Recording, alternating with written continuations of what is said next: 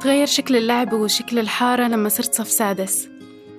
آه هو تغير كتير فجأة. المساحات للعب كتير صغرت. والجماعة اللي بلعب معهم برضو كتير قلوا. ووقت اللعب كمان كتير قل. كنت زمان أحب ألمس الحجار. الحجار اللي بالبيت أو أو السور مثلا. بحب ألمس السور. ما بعرف بحب الملمس تبعه. بحب ألمس الشجرة كمان وبحب هيك آه، أتمعن بتفاصيلها. هذا الأشياء كنت أسويها وأنا صغير بدون وعي. أنا سليم سلامة. بقدم لكم الموسم الخامس من بودكاست عيب من إنتاج صوت. بهالموسم رح نصغي لتجارب طبعت آثارها على ذواتنا وأجسادنا ولكن تم إنكارها لأنها ما زالت تعتبر بنظر المجتمع عيب. بحلقة اليوم بكون قطعت معاكم نص الطريق بهالموسم من عيب. وبهالمناسبة فكرت إنه نحاول نسافر مع بعض بالوقت. نكسر عقارب الساعة ونرجع بالزمن. للعب لذكريات الطفولة لخيالات وأحلام بسيطة. لصورتنا عن المكان والمحيط يلي احتوانا وكبرنا فيه. ولما قررت إني أتعمق بهالموضوع طلبت من صديقتي المعمارية رند الحاج حسن إنها تنضم لي بتحضير وإعداد هالحلقة. لنفكر مع بعض عن المساحات العامة والخاصة وأماكن اللعب ونطرح تساؤلات حول شكل المكان وتأثيره على طفولتنا ومراهقتنا. بتذكر مرة انعزمت على غدا بايخ وطلعت روحي من الجملات الكبار. شفت نافورة قريبة ولقيت طفلين مندلين عليها ونازلين بلعبوا بالمي. ما صدقت لحقتهم وشمرت وبلشت ألعب أبورد. ولا أمهم قاعدة قريب عشان تدير بالها عليهم تطلع فيي مستغربة تماما. وأنا الصراحة مستغربة منها. كيف قادرة تقاوم اللعب؟ أنا رند. ساهمت بالبحث والإعداد لحلقة اليوم اللي رح نسمع فيها ذكريات خطيبين عاشوا بأماكن متشابهة. رغد وحمزة حيحكونا عن أيام اللعب بالحارة. رح نعرف منهم ظروف لعبهم وإمتى وقفوا لعب وليش. ليش الناس بتوقف اللعب؟ والأهم كيف اللعب شكلهم اليوم؟ كتير مرات مننسى إنه المدن والأحياء مصممة للناس ومنضيع بالخرائط والمقاييس اللي خلقت لنا مجالات متعددة مثل التصميم المعماري الهندسة المدنية والتخطيط الحضري. وبهالحلقة رح نحاول نرجع نتذكر مع بعض الهدف الأساسي من إنشاء المدن. وبعيدا عن الأرقام والمنطق العلمي رح نحاول نفهم المدينة عن طريق قصص الناس وحياتهم اليومية. وبنفس الوقت رح نحاول نفهم الناس عن طريق مدنهم. أنا رغد آه، انولدت عام 1996 انخلقت بمكان هو بيشبه العشوائيات كتير آه، بمنطقة حين الزال البيوت هيك كلياتها جنب بعض قريبة من بعض وفوق بعض. أنا اسمي حمزة مولود عام 1988 أنا آه، شكل المكان اللي أنا عايش فيه بيشبه شكل المكان اللي عايشة فيه رغد. آه، هو العشوائيات أو الأماكن البيوت كتير قريب من بعض. يعني هي على جبل وأنا على جبل. يعني لو اطلعت هي من جبل علي ممكن تشوفني. بهذا المكان كنت ساكنة مع آه، اعمامي وقرايبي وحوالينا دار سيدي أهل أمي أهل أبوي كلياتنا بنفس المنطقة. زمان كانت البيوت عندنا كتير قريبة. آه، حتى يمكن لو فتحت باب بيتي ممكن أشوف يعني اللي جوا بيت جيراننا قد ما هم كتير قراب عن بعض. عاشوا رغد وحمزه بمدينة عمان. كل واحد فيهم على جبل. رغد من حي نزال وحمزة من جبل النظيف. رغم بعد المسافة بيناتهم إلا أنه جغرافيا المكانين كانوا متشابهين جدا. الأدراج الطويلة، البيوت المتلاصقة، الخصوصية المحدودة، اللعب الجماعي والممرات الضيقة. بتذكر لما عشت لفترة بجبل عمان وتحديدا بحي المصاروة كنت أحس إنه في تنظيم غير شفهي لتحركات البالغين بالحي. وكان هالسبب راجع لتداخل المباني ببعضها يلي بيؤدي لانعدام الخصوصية ونوع من عدم الراحة. لكن بالنسبة لرغد وحمزة كأطفال كانت هاي البيئة بالتحديد وخصوصا الدراج هي السبب الأهم لتشكيل وتكوين طفولتهم.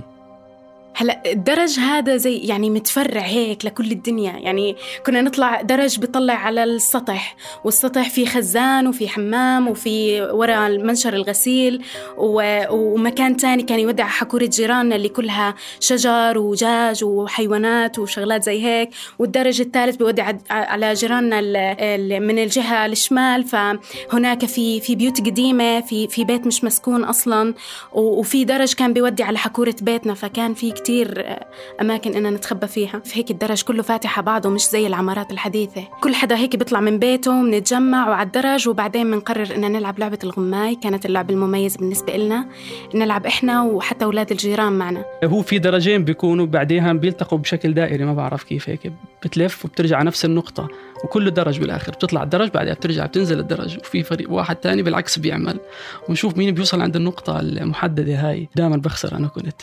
اللعب حرية ومتعة ومرح لكن الأطفال مسؤولية والأهل إلهم دور مهم بحمايتهم سواء بالبيت أو بالحارة وبالتالي لابد من ضبط توازن معين بين اللعب والمخاطر أو اللعب والدراسة. لحد عمر معين ما كان في أي قيود. خلص إمتى ما بدي بلعب إمتى وين ما بدي وخلص ما في ما في قيود محددة. بس كانت تنحط القيود بالأشياء اللي بتخرب الدار يعني. إذا بدنا يعني كنا نلعب ببلالين المي نلعب حرب مي وهيك. فكان كان ممنوع. بلاش نوسخ الدار. هاي كانت القيود تنحط على هاي الألعاب. يعني بالنسبة لي شوي كانت الأمور هيك فيها يعني مفلوتة. ما كانش في هذا النظام بالبيت اللي بيحكي لازم مثلا تلعب وقت محدد أو مش لازم تلعب. كانت الأمور لا شوي ما فيش فيها هذا الانضباط إنه فكنت كثير أنا حر لما بلعب. لما بلعب خلاص بروح بشوف أي حدا بروح ألعب معه أو بكون بالبيت آه، قاعد مثلا بيطبل علي صاحبي يلا تعال بدنا نلعب. حتى كان يدخل على الباب جوا بدون ما يطبل مرات ويلا نروح نلعب. لما بيكون في خلص هسه وقت إنه أنتم مش لازم تطلعوا آه نروح نطلب من ماما هي معصبة هي ما بدها هينا نطلع عليكم دراسة مش عارف إيش لازم تعملوا. فكنا نروح لأبوي نقعد نترجى إنه خلينا نطلع وأبوي يكون هيك متسامح ويلا خلص اطلعوا. والعكس إذا يعني أبوي معصب وما بده إيانا نطلع فبنروح نحكي مع أمي هي تتوسط لنا عند أبوي وبنطلع. يا بالنسبة لي كان شوي دور أبوي غايب بخصوص هاي الأشياء اللي إلها علاقة باللعب وبدراسة وإنه تسمح لنا وما تسمح لنا. فكان شوية يعني منحاز جانبا. كانت أمي هي اللي بيدها هاي القبضة اللي بتقرر إنه آه، بدنا نلعب أو ما بنلعب بس على الأغلب كنا نلعب بس يعني آه، حتى بإشارة بس إنه بدي أروح ألعب يلا روح ألعب. بس لما كنا نروح يعني هون كانت المصيبة شوية. إحنا نيجي دائما متأخرين دائما ودائما اواعينا هيك كلها من الكرة تراب وما بعرف شو. فنلاقي لنا أي طريق ندخل فيه على البيت. هو طريق واحد أصلا بس بدك يعني تلاقي لك ما بعرف تلاقي لك حيلة تدخل منها على البيت وتمسك الكتاب وتصير تدرس. أنا بتذكر كان إيه عندي صاحب وأنا صغير آه، كنت بستغرب من الإشي اللي, اللي عندهم بالعيل النظام. إنه أنا كنت بلعب معه فأول ما يأذن المغرب هو يحكي لي خلص أنا بدي أروح. بحكي له ليش تتركني هيك؟ أحس حالي وحيد إنه ليش بتروح أنت؟ كأنه في وقت هيك الارم فلازم يروح. بحكي لي ما بيزبط أبوي إذا بيحكي بشوفني بعد المغرب فهو راح يعمل لي مشكلة وهيك. ف... فكنت أنا بستغرب وأنا بضل لحالي بكمل بالشارع لعب على الأشياء عادي ما تفرقش معي يعني.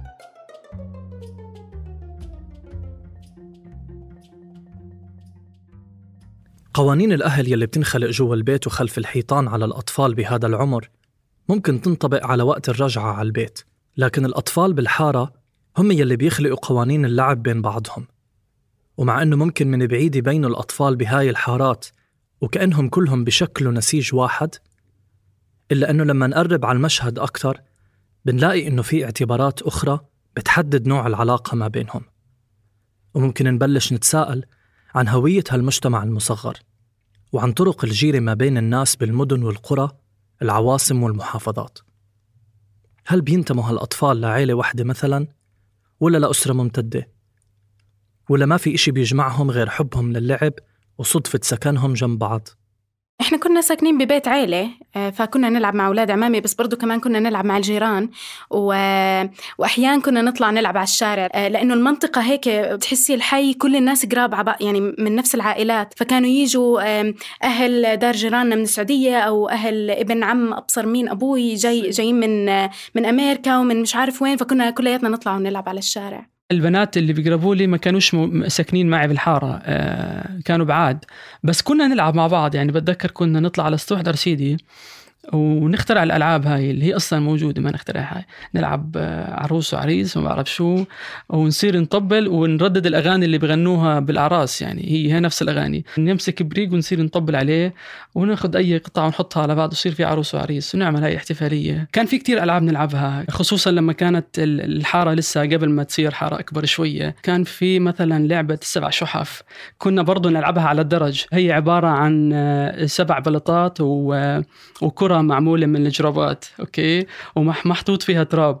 ففي فريق بيكون فوق وفريق تحت وبيكون حاطط السبع آه، بلطات فوق بعض. وإحنا فريق الفوق معنا الكرة هاي الجرابات ولازم نضربها على البلطات ولازم نوقعهم. ولما نوقعهم بصير بنهرب يعني حالي حالي. وكنا كتير كتير مبسوطين يعني. هاي من الأشياء اللي أنا كتير آه، بتعني لي كانت. اللي بيميز الحارة إنها برا خارج البيت وكأنها منطقة بحد ذاتها. اللعب هو اللي بيرسم حدودها. وجماعات مختلفة من الأطفال هم اللي بيسيطروا عليها جماعتي وجماعتك وبالتالي الحارة هي من أوائل التجارب المجتمعية للطفل الحارة تبعتنا أكثر كانت هي. هاي المساحة خلص يعني إحنا طول ما إحنا. بهاي المساحة فما في حدود للوقت خلص إحنا قدام عيون أهالينا وهيك لما نطلع برا أو نروح على حارة تانية كنا نحس كان دايما في بكل حارة في أولاد أو أو مجموعة بنات أو ما بعرف جروب هدول اللي اللي بدهم يضربونا لما لما بنروح عندهم اللي بدهم يعتدوا علينا. وأحيانا كثير كنا يعني كنت أروح ماكلة كتلة و... ويجوا جماعتي يفزعوا لي و... وتصير طوش بيننا وبين أولاد الحارات التانية. المكان اللي أنا ساكن فيه عبارة عن حارات. زي زي منطقة جغرافية بتخص هاي الحارة. فإحنا كنا نلعب بهاي المنطقة. ما كنا نطلع براتها. لما كنا نطلع براتها نحس حالنا شوي أغراب. حتى الحارة تكون جنبنا يعني. فنحس حالنا شوي أغراب. فلما نطلع بنشوف حتى في عندهم قوانين. مرات بتكون تختلف عن قوانين حارتنا. ومرات نصير لما نلعب معهم يصيروا إنه لا مش هيك بنلعبها. هيك حارتنا بتلعبها. أنتوا ليش تلعبوها زي هيك؟ ما في. فإحنا مضطرين على قانون حارتهم. علاقتنا كانت أقوى مع الأشخاص اللي بنفس المكان. حتى كنا مرات لما نتخبى نلعب لعبة الغماي كنا نروح في بيوتهم نتخبى.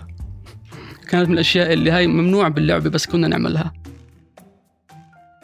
إذا الحارة هي من أوائل المجتمعات اللي بيحتك فيها الطفل برا البيت وبتضلها إشي مقرب. حميمي ومألوف. لكن كيف وإمتى بتعرفوا الأطفال على الحياة ما بعد الحارة؟ على الأحياء الأخرى اللي شكلها غير. كيف ببلشوا يستوعبوا إنه في إشي اسمه مدينة مثلاً؟ إحنا ما كناش نطلع ابدا من من الحارة أو من الحي ابدا ما كنا نطلع. بس رجعت بذاكرتي لثلاث مواقف. أول موقف وأنا كتير صغيرة آه، أبوي قرر ياخدني معه على الشغل وكان أبعد مكان بشوفه هو الشارع الرئيسي تبع طلوع نزال كان هيك مكان يعني كله سيارات زي زي وادي نازل هيك لتحت. وحتى حاسة إنه قديش أنا كنت صغيرة. هاي كانت أول مرة بطلع من الحي تبعنا.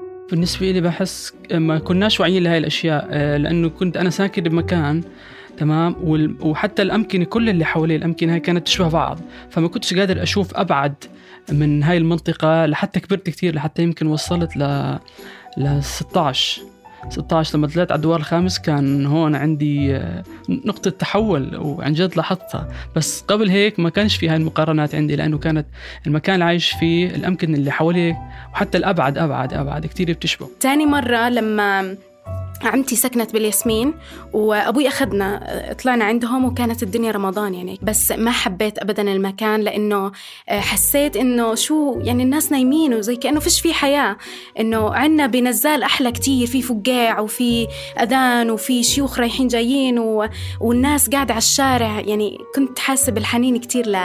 للحارة تبعتنا. خلصت مدرسة تمام. بعد المدرسة رحت لتدريب مهني أوكي؟ على أساس بدي آه، إنه أخذ لي مهنة. و- ورحت آه، عملت آه، طبخ سنتين فوزعونا على الأماكن اللي لازم نروح عليها زي الفنادق وهيك. فبعتوني أنا على فندق اسمه آه، بريستول أيامها. فوصفوني المكان وحكوا لي خلص بتركب في الباص وبتروح بتنزل على الخامس وبتندل عليه. أنا رحت نزلت على البلد وركبت في الباص. وأنا راكب الباص بحكي للشاب اللي جنبي بس لو وصلنا الخامس بصير تخبرني لأنه ما بعرف. وصلنا الخامس فتح الباب نزلت أنا. حسيت حالي أنا الوحيد اللي على الدوار. هيك. فطلعت لقيت عمارات كبيرة و- وكتير خفت. كثير كنت جبان. رحت على السايد الثاني أخذت نفس الباص ورجعت. فهاي كانت يعني كانت اول أول مرة بطلع من هذا المكان يعني كان غريب. ثالث مرة آه، هي المرة اللي كان خلص أنا خلصت توجيهي وكان لازم أروح على جبل النظيف عشان بتطوع بمنحة, بمنحة فلازم أنا أروح على هذاك المكان. رحت أنا أكثر من مرة مع أبوي. المكان مألوف عادي يعني عشوائيات نفس ما إحنا ساكنين بحي نزال بس أول مرة كان لازم أطلع فيها لحالي وقفت بتذكر على الشارع الرئيسي وقعدت أعيط لأني أنا أبدا ما عرفت كيف كيف بدي أروح. وين؟ إيش إيش بالضبط أوقف؟ يعني إيش السرفيس اللي بدي أطلع فيه ما كنت عارفة. كان المكان عايش فيه كثير أمان يعني كان بيمثل لي كثير شيء أمان. آه لما كنت بطلع مثلا منه آه أو بطول يعني لبعد المغرب كنت كثير بخاف فلما أرجع عليه كثير بحس بالأمان كنت. ف وكثير صار صارت معي أكثر من موقف أنا تأخرت. بتذكر أول مرة تأخرت فيها كان عندي كنت بالصف يمكن السابع أو الثامن. آه، فطلعت للأشرفية كأنه مش لبعد المدرسة أبعد مدرسة بشوي. تأخرت لبعد المغرب. فكنت كثير خايف كثير خايف. فلما رجعت على البيت كان في شعور كثير حلو الحارة حتى مش البيت إنه كثير أمان هون وكثير أحسن وأنا خلص بتضل هون ما بدي أطلع. فكان ولما روحت لقيت أمي بتصلي وطمنت هيك كان يعني الشعور هيك كثير في سلام يعني. الحارة اللي كنا ساكنين فيها زمان كانت كتير دخ... عبارة عن دخلات وأدراج يعني دخلة بس يمكن بس مترين آه، كبرها. كل الحواري زي هيك. كل الحواري بيشبه فيها دخلات وفيها درج وبتلف وبتنزل. فما بعرف بال 98 كأنهم قرروا إنهم يوسعوا الأماكن هاي يهدوا بيوت على أساس يصير الشارع أوسع تدخل فيه السيارات. فإحنا ما كنا واعيين إن أو ما كنا شايفين المكان الآخر من المدينة اللي هو مثلا نحكي شمساني عبدون والأمور هاي أدوير أول وثاني وثالث. ما كنا شايفينها. مدينة عمان مرت بفترات نمو حضري هائل وبدون سابق تخطيط. هالإشي صار بسبب عمليات التهجير الخارجية والداخلية. فمثلا شهدت سنة 1948 وسنة 1967 موجات كبيرة من اللجوء الفلسطيني لمدينة عمان. وبنفس الوقت صارت عمان مكان استقرار العديد من سكان المحافظات الأردنية اللي كانوا بيعانوا من جفاف وفقر أراضيهم الريفية. فقرروا يستقروا بعمان وينضموا للحياة الحضرية. بالتالي كان طلب السكن كتير أعلى من العرض. كتير ناس ما لقوا يستأجروا وكتير لاجئين ما لقوا مكان بالمخيمات الرسمية فبنوا بيوتهم بأنفسهم. شوي شوي تم إدخال الخدمات من مي وكهرباء لهاي الأحياء. خلال الثمانينات صار في توجه عالمي لتنظيم المساكن اللي بنيت عشوائيا وبدعم من البنك الدولي. بهداك الوقت تم تأسيس دائرة التطوير الحضرية بالأردن واللي قامت على عدة مراحل بتنظيم الأحياء المعنية على قدر المستطاع. العمليات الحضرية شملت ترخيص إعادة بناء للمنشآت الأكثر هشاشة، تمديدات بنية تحتية وفتح شوارع. فلما توسعت وبلشوا يهدوا بالأماكن فصرنا قادرين لما انشالت المباني لما كنا نطلع لآخر الشارع ونطلع فوق كنا نشوف الدوار السادس كنا نشوف آه، الدوار الثالث والأبنية اللي عليه. فكان إشي مختلف وإشي بعيد حسيته. كان هيك بالليل كان آه، فندق الريال بضوي. فكان إشي بتحسيه إنه صعب توصلي له أو إشي. بس كنا مبسوطين بالمشهد اللي بصير خصوص بالليل. كانت المدينة هيك بتضوي والبنايات عالية كثير غير البنايات اللي عندنا. فكان هيك شيء مختلف.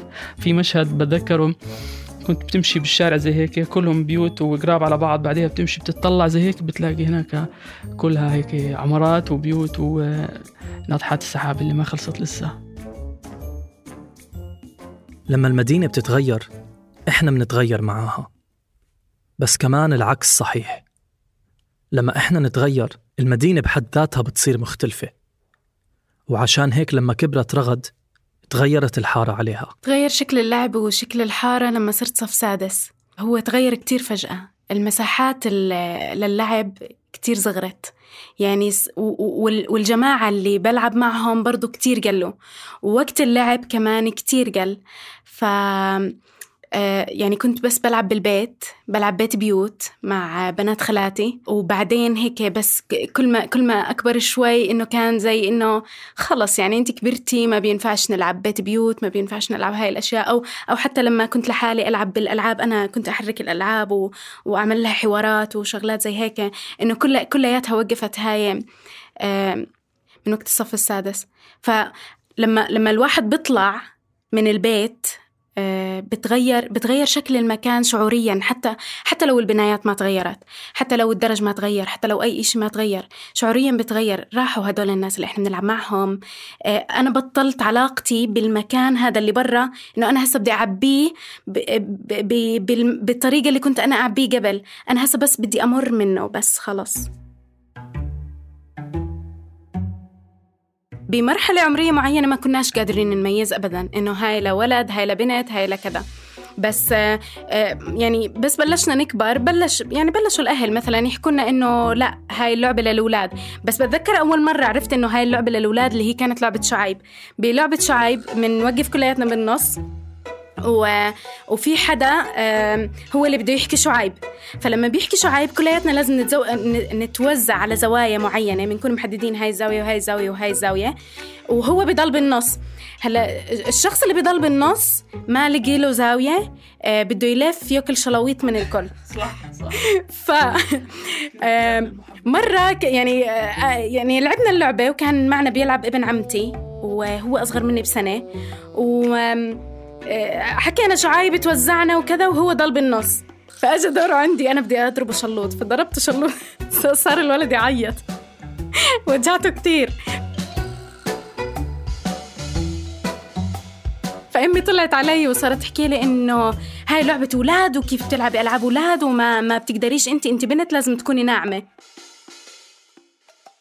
ما بتذكر كان في مشكلة نلعب مع بنات اللي في حارتنا. حتى كنا بتذكر كنت ألعب ألعاب بنات أنا. بس يعني وكنت ولسه بقدر ألعبهم يعني حافظهم. يعني شوية كانت ألطف ألعاب البنات آه كانت إيه، بس كانوا يسموها الحجلة كأنه بيحطوا هاي المغيطة وبعديها بلشوا يلعبوا فيها بشكل معين برجليهم وبعدها بصير أصعب أصعب أصعب. في كمان هاي اللي كانوا بيرسموا الأرقام على الأرض. كنت كتير بحب هاي اللعبة أنا وكنت لما بلعبها بصير أطلع إذا في أولاد حوالي عشان ما ألعبها وبعدين بلعبها. إذا في أولاد ما بلعبها بروح برجع لورا. لما يقرب سن البلوغ بتبلش عملية الفرز. حركات وألفاظ مخصصة للأولاد بترمز للخشونة. مقابل حركات وألفاظ مخصصة للبنات بترمز للنعومة. وأي محاولة لدمج هاي المفاهيم تنحسب تعدي على القانون العام.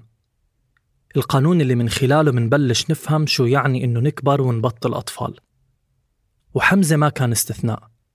لما قرب يكبر اختفوا البنات من عالمه فجأة. يمكن بعد العشر سنين ل 11 لما كبروا بطلت حتى أشوفهم يعني آه، فهاي الأشياء اختلفت يعني وهيك فجأة صارت يعني ما كانت الشيء عم تروح لحالها هيك إنه عم تتغير شوي شوي هي فجأة صارت.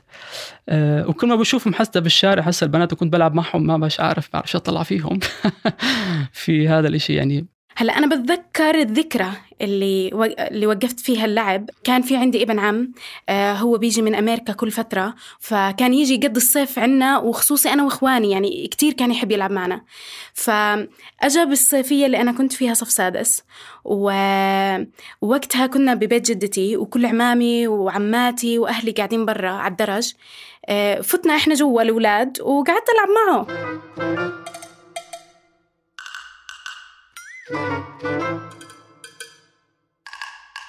يعني وأنا عندي لعبة المصارعة كتير لعبة بحبها فقعدت ألعب معه مصارعة. فلما يعني قعدنا نلعب كلياتنا حتى سوا ف سمعوا الصوت سمعوا صوت المخابطة والصراخ وهيك. فسألونا إنه إيش في إجا حدا من الكبار وسأل إيش في. راحت أجت بنت خالتي هي بنت خالتي وبنت عمي بنفس الوقت. أجت وصارت تحكي هيك زي إنه بحقد. هدول يوسف ورغد بيلعبوا. فلما حكت هيك إنه أبوي على طول نادى علي بصوت عالي وبصراخ رغد تعالي اقعدي هون. فلما طلعت قعدوني جنبهم وبس خلصت اللمة وروح الكل. أبوي قاعد معي وصار يحكي لي إنه أنت هسه صرتي كبيرة و... وأنت هسه ما بتقدري تلعبي مع أي حدا وبأي مكان وبأي طريقة. كل حدا يمكن صار عنده مسؤوليات أو كبر شوي ف... فهيك صار في انقطاع باللعب هذا. حتى بمرحلة صغيرة يمكن بالصف الثامن يمكن. بهذيك المرحلة بتذكر بلش هيك يختفي يروح ما استغربت هذا الإشي. آه، وصرت بدي أدور على حدا تاني ألعب معه. فكانوا في الأصحاب نفسهم من نفس اللي هم الأولاد يعني. آه، يعني آه ما ما, ما يعني ما فكرتش فيها إنه ليش ما ما بنلعب معهم أو ليش راحوا أو أو كثير أشياء. ما كنتش عارفة هاي الأشياء. فكنت بس نازلة أسأل حالي إنه ليش يعني؟ شو اللي شو اللي بمنع إني أنا ألعب معهم؟ إنه كنت أشوف كيف إخواني و- وأولاد عمي قاعدين بيلعبوا مع عمي مصارعة. أنا نفسي كتير أقوم وألعب. كتير نفسي وكنت أطلب من أبوي أبوي يجحرني إنه لا يعني ما بنفع. فكتير كنت بيني وبين حالي أتساءل إنه ليش يعني؟ طب شو يعني لو لعبت معهم؟ إنه حتى لو أنا بنت ما كنتش فاهمة فكرة إنه كيف البنت بتكبر وجسدها بيختلف و... و... ومجتمعيا ودينيا بيختلف هذا الإشي.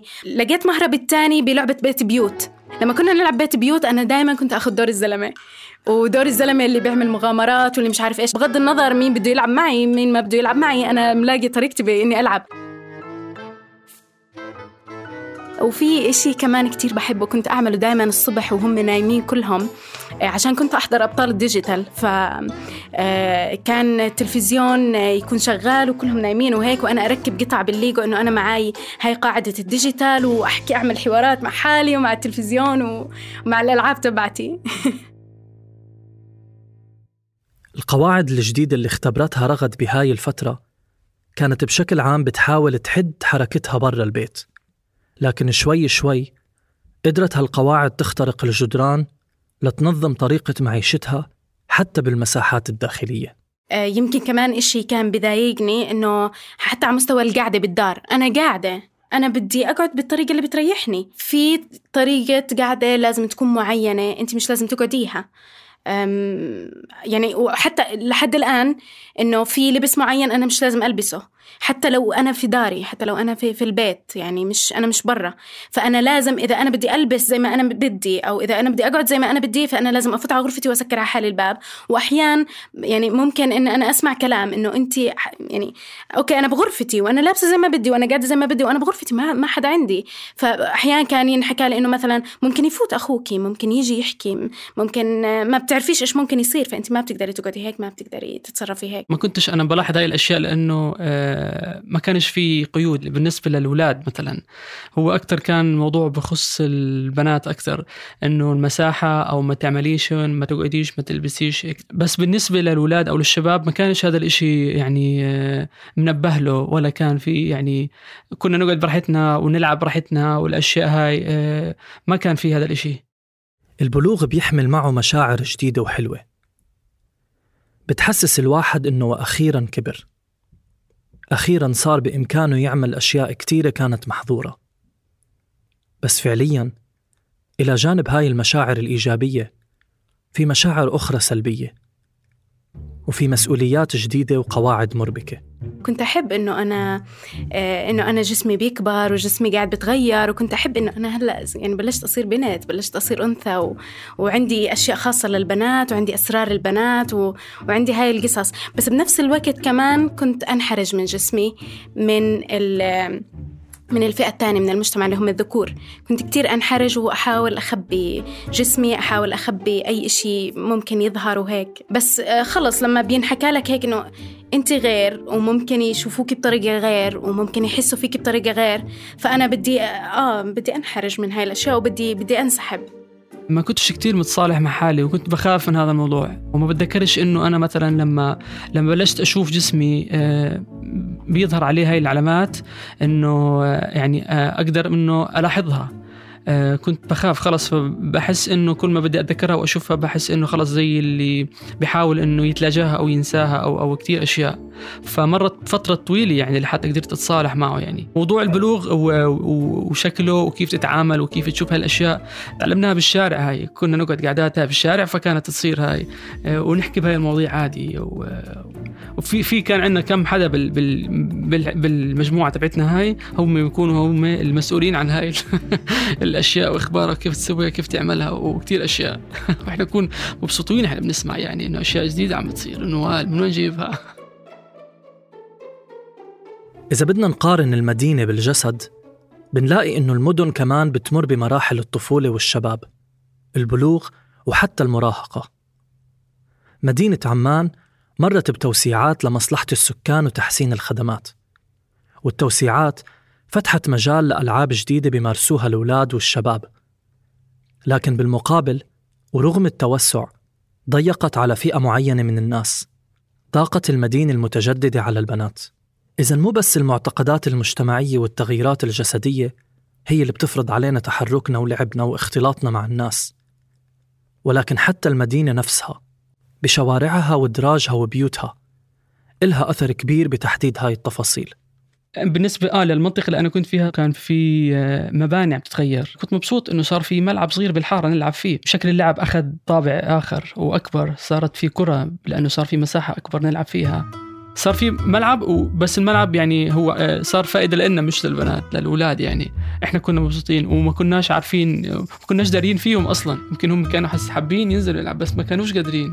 بس إحنا ما كناش حاسين كنا بنلعب ومبسوطين وخلاص. لما كانت الحارة أصغر كان بحس مش عارف ليش كان أسهل يلعبوا البنات.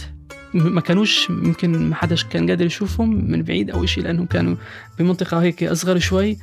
فحرفيا لما لما بالضبط انهدت الحارة وانهد أماكن فيها آه، وتوسعت آه، طلعوا البنات ما كانوش قادرين يلعبوا لأنه كان اللعب أخذ شكل آخر اللي هو صار فيه كرة قدم صار أوسع الموضوع.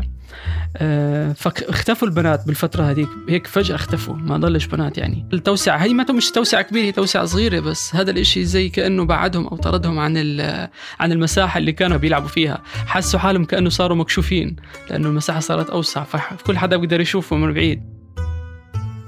كان آه، حرام يعني الشاب يشوفك. حرام آه، أولاد الجيران يشوفوكي. ما بينفعش. حتى حتى نطلع نتمشى على السطح كان كان لازم بالليل. آه، ما, ما, ما كناش بنقدر نطلع على السطح لأنه إحنا مكشوفين على كل الجيران وممكن أي حدا يطلع علينا. يعني ما بعرف شو المشكلة بأنه حدا يطلع علينا شو في بخلقتنا بس هيك كانوا بفكروا. كل ما رجعنا بذاكرة حمزة ورغد أكتر كل ما اكتشفنا أنه اللعب ما بيعتمد بس على التصميم المثالي والآمن لكنه بيعتمد كمان على مخيلة الأطفال وفاعليتهم بخلق أماكن خاصة فيهم. هون ببلش يظهر عنا التناقض ما بين التصميم الحضري والتخطيط من جهة والعفوية وتأقلم السكان مع البناء العشوائي من جهة تانية. الدولة ما كانت تخصص مساحات معينة للعب أو مساحات لأ. فخلص كانت الحارة والشارع وأي مكان كان هو عادي إحنا بنقدر نلعب فيه. فما بحس إنه كان في إلها دور بوين إحنا بنلعب. كنا بنلعب بأي مكان وشو ما بدنا. مع إنه يعني أنا هسا بخاف على الأمان تبع الأطفال إنه هم مش دائما بيقدروا يلعبوا بالشارع عشان بس السيارات وكيف صارت الحركة هسا وكيف توسعت الطرق وهيك. هذا هذا الإشي هسا بس زمان لأ ما كنت واعية عليه. هذا الإشي وعيت له لما كبرت يعني وبعد ما وقفت لعب خلص إنه حسيت إنه لا في في مكان لازم يصير فيه بيلعبوا الأطفال.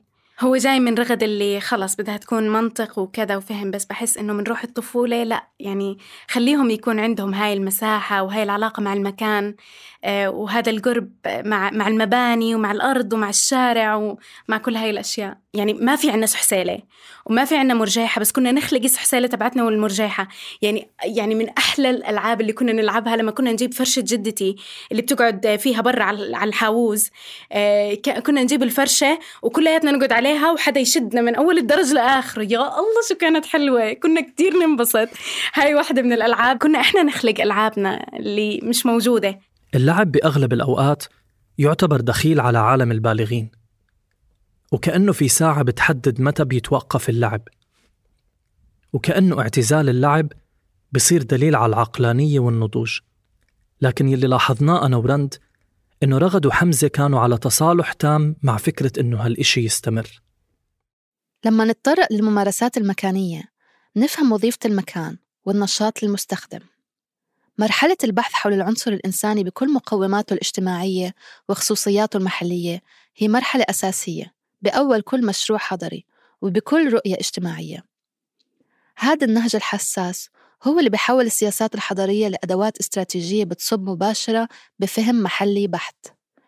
هذا النوع من الشغل المبني على المنهجيات الأنثروبولوجية بسمح لنا برضو نتعرف على دواخل الناس وأثر ذاكرة المكان على شخصياتهم بالوقت الحاضر.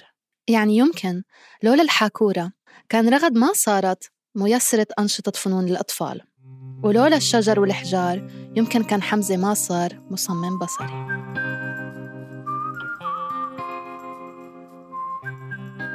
برا عند بيتنا في حكورة حكورة واسعة. آه، هناك الدالية وشجر كتير وزريعة.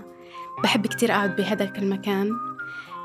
هداك المكان خلاني أحس بالفنان اللي جواتي. كتير بحب أطلع برا وأقعد أتأمل بالأشياء وأتفرج عليها. يمكن حتى بهداك المكان أنا عرفت أو قدرت أقدر قديش أنا عندي مواهب وإنه أنا حدا فنان وإنه قديش أنا بحب الفن وبحب الدنيا حوالي. كنت زمان أحب ألمس الحجار. الحجار اللي بالبيت أو أو السور مثلا. أحب ألمس السور. ما بعرف إيش بحب الملمس تبعه. بحب ألمس الشجرة كمان كثير هيك وبحب هيك أه، أتمعن بتفاصيلها. هذا الأشياء كنت أسويها وأنا صغير بدون وعي كنت أطلع فيها. بس هاي الأشياء اللي ممكن إنه يعني أثرت فيا لما هيك شوي كبرت وعملت هذا الجانب شوي الفني يعني. أنا بالنسبة إلي إنه حتى كنت بحكي لحمزة بس نتزوج وهيك وخلاص أنا لسه بدي ألعب مصارعة. أنا بدي ألعب مصارعة أنا ما بدي أبطل هالمصارعة هاي. فبحس إنه رح يكون في وقت للمصارعة ورح يكون في وقت لأشياء كتير تانية بتعبي روحنا جنب المصارعة.